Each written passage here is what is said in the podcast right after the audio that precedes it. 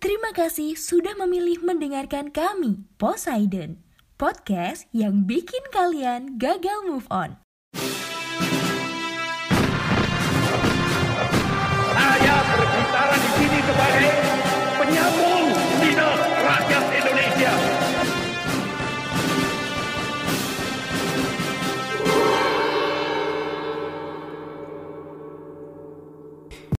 Iyo kawan sobat Poseidon kita ketemu lagi di konten History for Life bareng saya Saifuddin Alif. Hari ini saya mau bahas tema yang ya masih lumayan hangat lah ya. Apa itu? Yang pasti bukan tentang COVID lagi. Kita udah capek ngomongin COVID. Lagian kita juga bukan expert di bidang itu kan. Jadi ya udahlah, mending diem aja. Biar diurusin sama orang-orang yang ngerti aja lah. Kali ini kita akan ngobrol tentang Satpol PP dari sudut pandang sejarah. Tema ini kita obrolin karena kemarin lagi viral kan Satpol PP yang terekam memukul ibu hamil pas lagi sweeping terkait PPKM darurat yang sedang diberlakukan. Kita nggak akan bahas pemukulan itu, tapi kita akan bahas sebenarnya gimana sih sejarah, peran, tugas, dan fungsi dari Satpol PP itu. Apakah mereka masuk dalam Angkatan Kepolisian Republik Indonesia? Ataukah mereka setara dengan Satpam? Atau mereka sebuah kesatuan yang berdiri sendiri? Yuk kita bahas bareng-bareng. Jadi, kalau kita tarik dari akar sejarahnya, sebenarnya Satpol PP ini udah ada sejak masa penjajahan Belanda.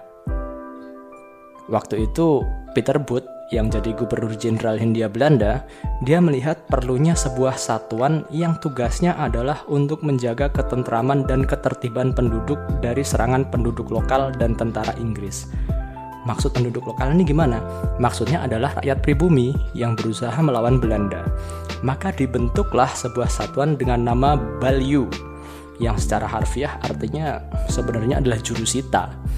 Jadi Balyu ini tugasnya mirip polisi, tetapi merangkap sebagai jaksa dan juga hakim. Dan tolong dicatat ya, ini terjadi pada masa Peter Booth yang artinya akhir abad 16 sampai awal abad ke-17. Jadi kekuasaan Belanda saat itu terbatas di daerah Batavia. Polisi ini memang dimaksudkan untuk menjadi polisi kota. Jadi jangan heran kalau tugas mereka banyak dirangkap karena memang ketika itu Belanda belum memiliki aparat penegak hukum yang lengkap. Kemudian, wilayah kekuasaan dari Balyu ini mencakup baik kota maupun daerah di sekitarnya ia berwenang menahan orang, kemudian juga mengenakan denda, kemudian menyeret orang ke depan pengadilan, dan juga mengajukan perkara hukum terhadap mereka yang melanggar. Nah, mereka ini juga berwenang menahan orang jika terjadi keributan, perkelahian, pencurian, kemudian pelacuran, perzinahan, perkosaan, pembunuhan, dan juga tindak pidana yang lain. Mereka juga diharuskan untuk mengawasi kebersihan jalan-jalan umum, pengangkutan sampah dan juga ketertiban umum. Jadi banyak banget tugas mereka ini.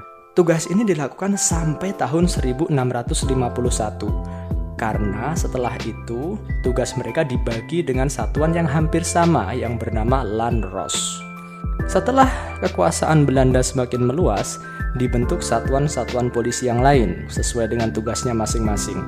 Ada Algemen Polisi, atau polisi umum, ada staf polisi atau polisi dewan, ada chef wapende polisi, polisi bersenjata, ada felt polisi, polisi lapangan, ada kultur polisi, polisi perkebunan, ada bestur polisi atau polisi pamong praja. Nah, pada masa Raffles atau tahun 1811 sampai 1815, satuan-satuan polisi ini ditertibkan sampai ke tingkat kawedanan. Kawedanan itu setingkat di bawah kabupaten dan setingkat di atas kecamatan. Di tiap kawedanan dibentuk Station of Police. Kemudian pada tahun 1815, ketika Belanda kembali menjajah Indonesia, keluarlah peraturan mengenai tugas kepolisian pada tahun 1819,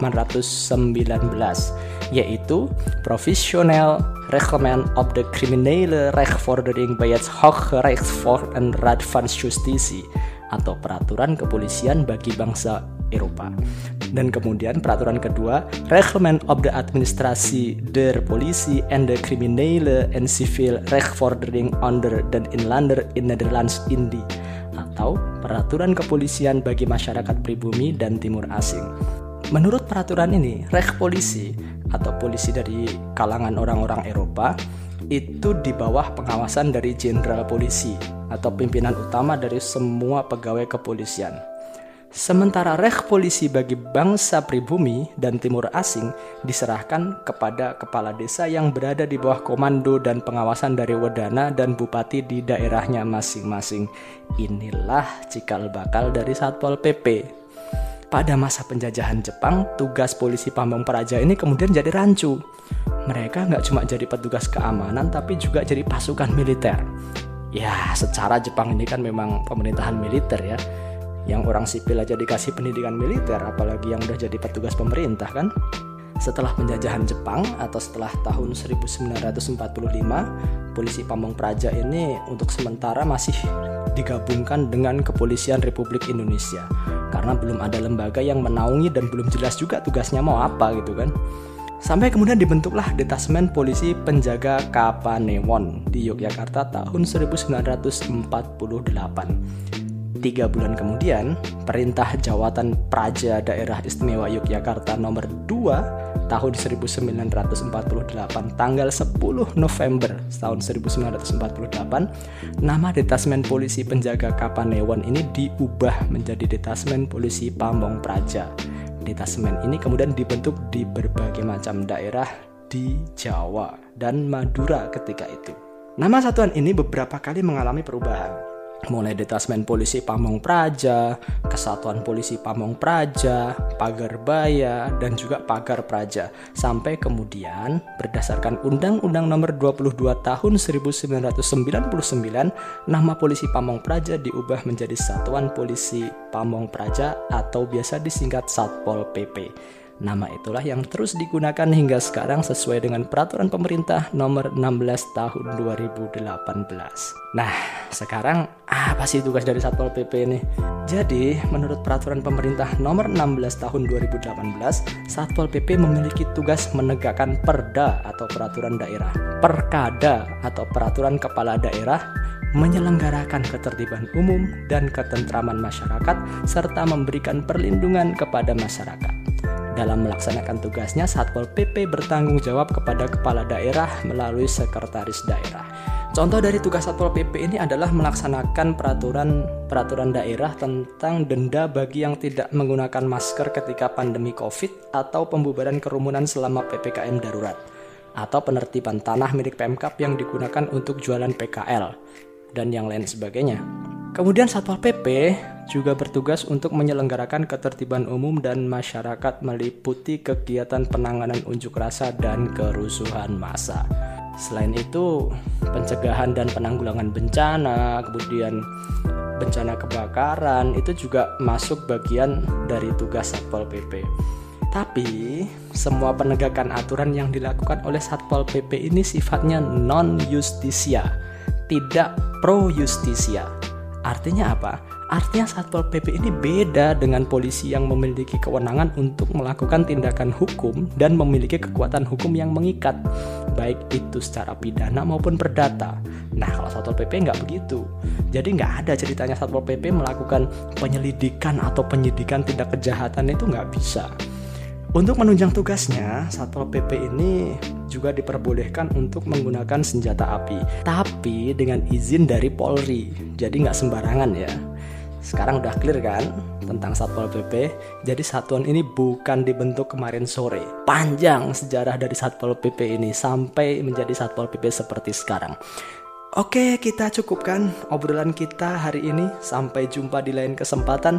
Tetap waspada, patuhi protokol kesehatan dengan melakukan 5M. Bagi yang belum vaksin juga silahkan mendaftarkan diri untuk divaksin. Saya Saifuddin Alif undur diri. Selamat melanjutkan aktivitas dan sampai jumpa.